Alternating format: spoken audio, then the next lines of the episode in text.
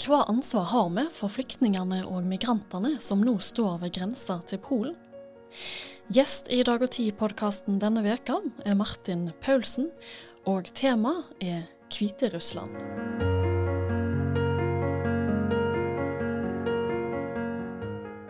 Velkommen, Martin Paulsen. Tusen takk for det. Du er tidligere styreleder i stiftinga Rafto, og du er gjest her i dag for å hjelpe oss å forstå Hviterussland bedre. For landet har jo i det siste fått veldig mye oppmerksomhet, først pga. demonstrasjonene i sammenheng med presidentvalget i 2020.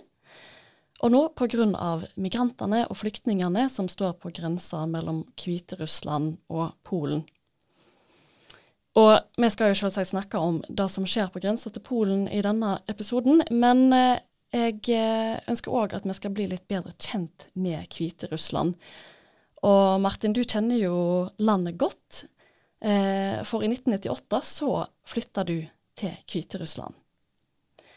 Hvordan var det å bo der? Det var veldig fint. Og så var det veldig spennende.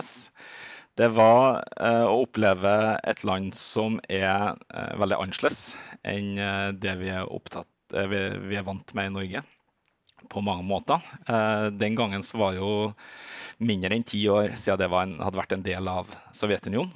Eh, sånn at den overgangen til å bli et land som ligner mer på de, det vi er vant med, den var på en måte veldig underveis da. Nå har de nok kommet lenger i den prosessen enn de hadde da. Men, men, eh, det var store kontraster når det gjaldt eh, måten landet var bygd opp på, politikken eh, osv. Og så er det samtidig veldig sånn spennende å oppleve at eh, sjøl om systemet er annerledes, så er menneskene veldig like. Altså veldig hjertelig, veldig imøtekommende og veldig lett å bli kjent med. Og jeg opplevde at det var å komme dit som nordmann gjorde at du fikk stor interesse, og at, du fikk, fikk muligheten, at det var mange dører som åpna seg, at du fikk muligheten til å lære mye om, uh, om landet. Så, så, det var en veldig fin uh, opplevelse. Du var student i Minsk? Jeg, jeg var student i Minsk uh, og var der for i første omgang å lære meg russisk. Og så oppdaga jeg at det var et land med, med flere ulike kulturer samtidig. Og Du sier jo Hviterussland og hviterussisk. Eh, jeg har etter hvert begynt å si Belarus og belarusisk. Eh, og det er fordi at eh, mine belarusiske venner syns at det er best om vi bruker det navnet. For å vise at Belarus ikke har så mye med Russland å gjøre, egentlig. Når vi snakker om Hviterussland i Norge, så er det jo lett for å tro at det er en del av Russland. Men jeg skjønte etter hvert når jeg var der, at landet hadde en egen kultur, et eget språk eh, og en egen identitet. Eh, og derfor så ønska jeg etter hvert også å lære meg deres språk. da.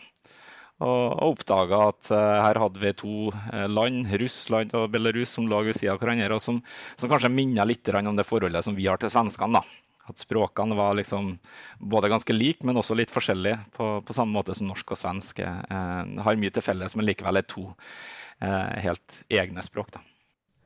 Eh, men vi må jo snakke litt om, eh, om presidenten òg i Hviterussland, Lukasjenko.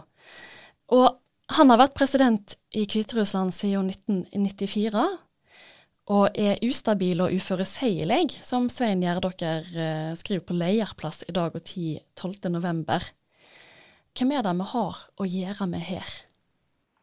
Der har vi eh, å gjøre med en person som er veldig opptatt av makt. Eh, han ble jo valgt eh, til president i 1994 da var han en outsider-kandidat. Eh, det var egentlig ingen som hadde, trodd at han skulle bli verd. Han har vært eh, en litt sånn eh, rabulist i, i parlamentet fram til da og eh, slått seg opp på kampen mot korrupsjon, egentlig. Det var liksom det som hadde gjort han kjent. Og i et land hvor korrupsjon var et stort problem, eh, så var det lett å bli populær eh, på det. Og så var han også kjent som en som var ganske handlekraftig, eller framsto som ganske handlekraftig. Han var i slutten av 30-årene når han ble verd, og, og framsto dermed som en sånn ganske tydelig kontrast til, langt eldre politikere av den sovjetiske eh, garden. Da. Vi var jo vant med det i i, i Norge etter hvert og liksom tenke på sovjetiske ledere som, som, veldig veldig godt voksne menn. Da. Så han, han framsto som på en måte det, det, friske pustet egentlig inn i politikken. Og så har vi sett at i alle de 27 årene som har gått siden han ble verd, eh, så har han egentlig brukt tida til å eh, konsolidere makta, eh, sikre sin stilling. Og så er det noe som ganske, har vært ganske typisk for han, det er at han har vært villig til å bruke alle tilgjengelige midler. Uh, mens jeg bodde i, Minsk, så var det fire opposisjonsleirer som ble drept, rett og slett. Uh, I ettertid så har det vist seg at det var en, uh, det vi kan kalle en dødsskvadron. det var en gruppering som gikk ut fra sikkerhetspolitiet i landet, som hadde rett og slett tatt livet av de her personene, som var brysom, kan man si, da, for, for presidenten. Så, så det, det, har vel sett over ganske lang tid da, at han, han, er villig til å bruke alt eh, som han har tilgjengelig av virkemidler for å sikre sin si egen makt. Mm. Og Da har vi jo òg sett eh, etter presidentvalget med opposisjon der. Eh, vi kan komme litt tilbake til det senere. Men eh, Hviterussland er jo, eller Belarus er jo et eget land, men de har jo òg tett samarbeid med Russland. Hvordan har forholdet mellom Hviterussland og Russland utvikla seg? Det er jo som du sier, De har jo en, eh, en, lang felles historie. De var jo begge en del av, eh, av Sovjetunionen. Eh, og så har de liksom, gjennom den lange historien hatt både perioder hvor de har vært en del av samme land og, og vært ulike land. Og så har vi sett i hele den perioden mens Lukasjenko har sittet ved makta, at han har vært opptatt av å ha en nær relasjon til Russland. Det har vært inngått mange ulike unionsavtaler osv. Men samtidig, og det er en veldig viktig detalj, samtidig så har han vært opptatt av å holde tilstrekkelig avstand til at han sjøl kan beholde den makta som han er så opptatt av.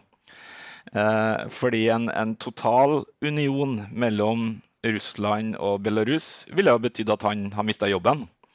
Eh, sånn at han er opptatt av å liksom beholde sin posisjon, samtidig som han beholder et nært og tett samarbeid med, med Russland.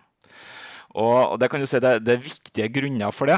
Eh, og de kanskje aller viktigste grunnene er økonomisk. Fordi at eh, Belarus har nytt veldig godt av gode handelsrelasjoner med, med Russland. Eh, de har på mange måter blitt subsidiert gjennom det å kunne kjøpe billig olje og gass fra Russland, for så å kunne selge det videre til, til andre land. Også gjennom andre handelsavtaler. Eh, så, så det, det, er en viktig del av måte, eksistensgrunnlaget egentlig, til Belarus, sånn som det eksisterer i dag. Eh, at de relasjonene har vært eh, nær over lang tid. Men hva med forholdet til EU? Ja, og så kan du si at eh, Som jeg var inne på, så, så har den relasjonen til Russland vært litt sånn eh, tidvis veldig tett, og så tidvis litt mindre tett. Og, og i, i tida etter eh, Eh, i, i, Ukraina. At vi så et, eh, et, politisk eh, oppgjør der, og med påfølgende invasjon fra russisk side av Krim og krigføring i, i Øst-Ukraina, så opplevde Lukasjenko et behov for å markere avstand til Russland. Og da oppstår behovet for å finne andre allierte. Eh, og da har man prøvd å liksom, ha en tettere relasjon til eh, Vest-Europa og til EU. Eh, men der er utfordringa at EU er ganske tydelig på at de forventer eh, at Lukasjenko respekterer menneskerettighetene. Eh, og det er det vi, vi på en måte har, har vært vitne til tidligere, at eh, han har prøvd å nærme seg EU. Og så når det kommer til stykket, når vi kommer til politiske valg, f.eks., sånn som i fjor sommer, så har han et så stort behov for å beholde makta at han ikke vil eh, la eh, den politiske opposisjonen i landet slippe til. Og da får han utfordringa med EU igjen. Sånn det er litt sånn fram og tilbake mellom Russland på ene sida og EU og Vesten på, på andre sida i den politiske utviklinga i, i, Belarus. EU har jo satt i gang sanksjoner mot Hviterussland etter valget i 2020. Men eh, Lukasjenko har jo kanskje innført sanksjoner mot sitt eget folk, eller mot sin egen opposisjon? Definitivt. Eh, vi så jo det i, kjølvannet av eh, valget i fjor. at han slo veldig hardt ned på, på det politiske opprøret som, som, kom da. Eh, vi ser i dag så er det vel ca. 860 politiske fanger i landet. Mer enn 30 000 har blitt arrestert i løpet av det året som har gått siden valget. Og det er jo det EU har reagert på. De har vel lansert så langt fire ulike sanksjonspakker som har vært enten relatert til enkeltpersoner, altså at enkeltpersoner har fått innreiseforbud i EU f.eks., eller at de har fått frosset sine bankkonti. Eller så har det vært eh, knytta opp mot eh, bedrifter som er viktige for, eh, for Belarus sin økonomi. da så så vi jo, og det, det er kanskje den, den eh, episoden som, som, norske lyttere kanskje kjenner best, det var jo fra mai-juni i år, hvor, hvor de her sanksjonene også gikk over til, til, å handle om luftfarten. Eh, etter at uh, belarusiske myndigheter hadde tvunget et, et rutefly uh, som passerte over belarusisk territorium, ned på bakken i, i Minsk for å arrestere uh, to av dem som, som satt på det flyet. og da da gikk det på en måte over noen sånne grenser som, som EU og Vesten ikke kunne akseptere. Og da ble sanksjonene stramma til ytterligere, eh, som gjorde at eh, belarusiske eh, fly, fly, ikke kan reise over europeisk territorium, f.eks.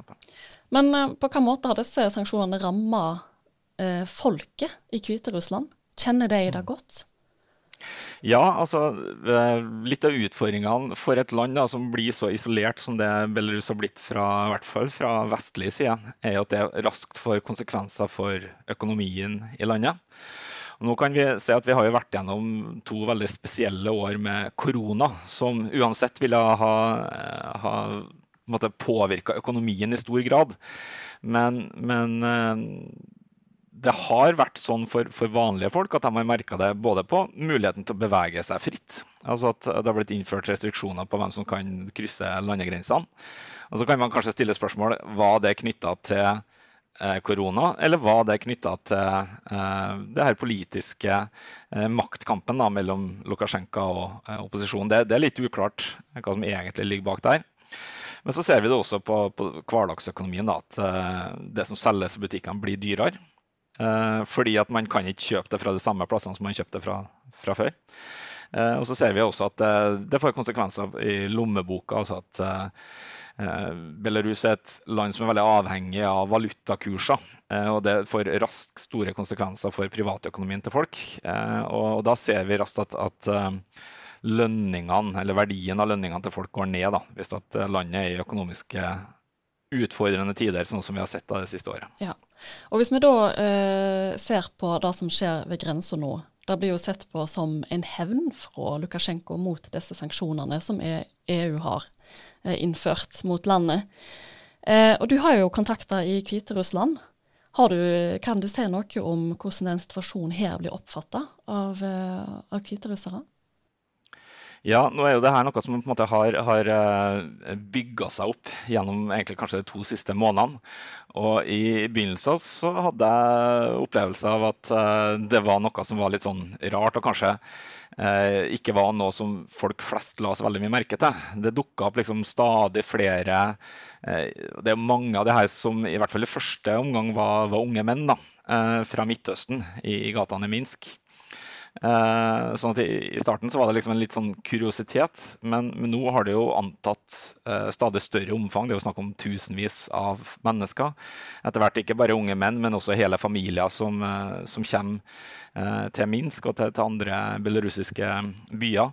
Så nå har jeg inntrykk av at dette er noe som, som folk i, i, Minsk og andre deler av landet i større og større grad legger merke til. da, det her. Men så er litt utfordringa i, i, Belarus at uh, folk har, uh, har, mer enn nok å stri med sjøl, eh, sånn som det har vært. Så, så, det tror jeg er et element i det her.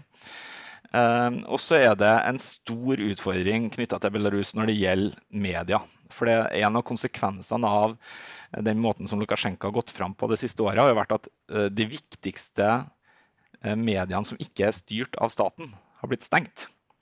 Sånn at det å få tilgang på informasjon om hva som faktisk foregår rundt omkring i landet, kan av og til være litt vanskelig. Og Det gjelder både for vanlige belarusere, og det gjelder for oss som sitter på utsida. Eh, altså de, de, mediene, de nettstedene som jeg vanligvis har lest, de har på en måte blitt tvunget under bakken. da, og kan ikke opprette Nettsidene deres har blitt eh, stengt ned. Så, så, det kan tidvis være litt vanskelig rett og slett å få ut god informasjon om hva som foregår inne i landet. Hvis vi zoomer litt ut og ser på EU, Russland, Nato eh, hvor er det, Hva rolle er det Hviterussland spiller i den spenningen som har oppstått nå? Altså, egentlig så kan man jo si at eh, Belarus framstår som ei, stor eh, bølle i eh, internasjonal politikk. De er ikke interessert å forholde seg til de her vanlige diplomatiske spillereglene, men, men er ikke redd, og er ikke redd for å eh, sette på en måte eh, nasjoner opp mot hverandre og sette ting veldig på, på spissen. Det vi så fra Lukasjenkos side, var jo at han allerede for uh, flere måneder siden i, i, forbindelse med det her flyet som ble satt på bakken i, i, Minsk, og de sanksjonene som EU og andre land da har innført, advart mot at uh, han ville åpne grensene uh, fra Belarus for både migranter, og flyktninger, for narkotika, våpen og atomavfall som en straff da, for de sanksjonene som, eh, som ble innført mot, eh, mot landet. Og det, det, er på en måte et sånn veldig tydelig eksempel på hvordan han er villig til å bruke alt han har tilgjengelig av virkemiddel for å, å, vinne fram med, med, viljen sin. Mange sier at Russland, at Hviterussland ikke kunne gjort det de holder på med nå uten hjelp av Russland. Stemmer det? Ja, det tror jeg. Eh, altså, de har veldig tett tette, eh, tett kommunikasjon hele tida, ikke minst på det militære eh, samarbeidet. Og vi ser jo at noe av det som har skjedd de siste ukene, er jo at russiske fly har flydd over eh, belarusisk territorium. Og Det er jo et ledd i denne militære opptrappinga som foregår på en måte parallelt med den migrant- og flyktningekrisen vi har begrensa. For På den ene sida har vi jo mennesker eh, nede på bakken som, som, prøver å komme seg inn i EU og Schengen-området. Eh, og På den andre sida har vi stor oppbygging av militære styrker både på polsk og på belarusisk eh, side. Og I det spillet så, spiller, eh, så er Russland en veldig viktig aktør. Da, som, som ryggdekning for Belarus. Men også fordi at det her da inngår på en måte det store spillet mellom Russland på den ene sida og Nato på den andre. Hvor, hvor uh, Belarus egentlig bare blir en liten brikke da, i et, et sånt stort uh, internasjonalt uh, militærstrategisk spill, kan man si. Ja, Nå har jo vi blitt litt bedre kjent med Lukasjenko og Hviterussland, um, og det som nå skjer med grensa mot Polen. Men disse enkeltmenneskene som står der, de har brukt store ressurser for å komme seg fram til Hviterussland og står nå ved grensa. Hva ansvar er det vi i EU har for disse menneskene, mener du? Mm. Ja, nei, det, er et, det er et kjempegodt uh, spørsmål. Uh, for det første så har vi et ansvar for å være oppmerksom på at det her kan være snakk om både migranter som uh, ønsker å komme inn i Europa for å få en bedre livssituasjon. Og så kan det være snakk om flyktninger som rett og slett er nødt til å flykte fra en uh, veldig vanskelig uh, og, og, livstruende uh, kanskje det med, situasjon i, i hjemlandet. Sånn at vi, vi, må passe på hele tida å snakke om både migranter og flyktninger. For vi, vi, vet rett og slett ikke hva, hva, som er realiteten. for det andre så, så er vi forplikta av internasjonale avtaler til å gi folk muligheten til å søke asyl hvis de ønsker det, når de har kommet til, til grensa. Og det er jo det djupt problematiske i det her. At uh, ved at det bygger seg opp til en sånn militær konfrontasjon på grensa, så, så, får ikke de individene det er snakk om, den muligheten. Og når jeg sier vi, da, så er det nettopp fordi at uh, Norge er også en del av det Schengen-samarbeidet. Sånn at Polens grense er på mange måter også Norges yttergrense. Og det gir oss et medansvar for å eh, løse den situasjonen med de mennesker som kommer dit og ønsker å søke opphold i, i Europa. Så det, det, er et veldig tungt ansvar. Og helt sånn fra dag til dag så er det et ansvar for å rett og slett ta vare på liv og helse for dem som er der. Fordi vi ser at de forholdene de, mange av dem eh, lever under eh, fra dag til dag, er kjempevanskelig. Det er stor risiko for at de skal fryse, og vi har jo sett flere dødsfall. Så den humanitære sida av denne saken er kjempeviktig. Dette er kanskje et litt sånn stort spørsmål, men finnes det noen løsninger på, på den situasjonen som vi ser nå?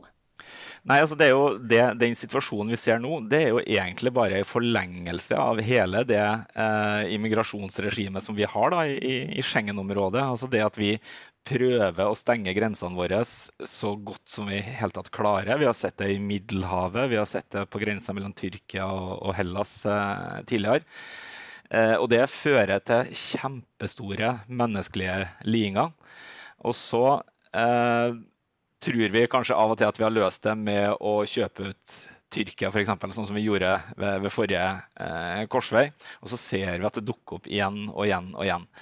Sånn at Det er jo mange som har vist til at eh, det regimet vi har på, på immigrasjon og eh, flyktninger og, og, immigranter, det er ikke bærekraftig i, eh, i det lange løp. Eh, så, så, det er en kjempestor utfordring som vi rett og slett ikke helt har klart å løse. og som og det gjør jo at den type situasjoner som vi ser på grensa mellom Polen og Belarus akkurat nå, det kan jo potensielt oppstå når som helst, eh, men kanskje andre plasser. Martin Paulsen, tusen takk for at du ville være med her i studio og fortelle oss om Hviterussland og, og det som skjer på grensa til Polen nå. Takk. Takk skal du ha.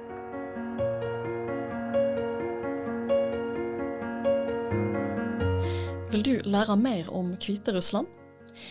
30.9 i år var Arne Tusvik Bonde gjest i studio og snakka om menneskerettssituasjonen i landet. Episoden Ei klappjakt mot journalister finner du der du lytter til podkast. I studio i dag var jeg, Sofie Mai Rånes.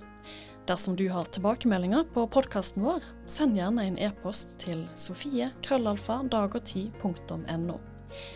Vi er tilbake neste uke. Takk for at du lytta.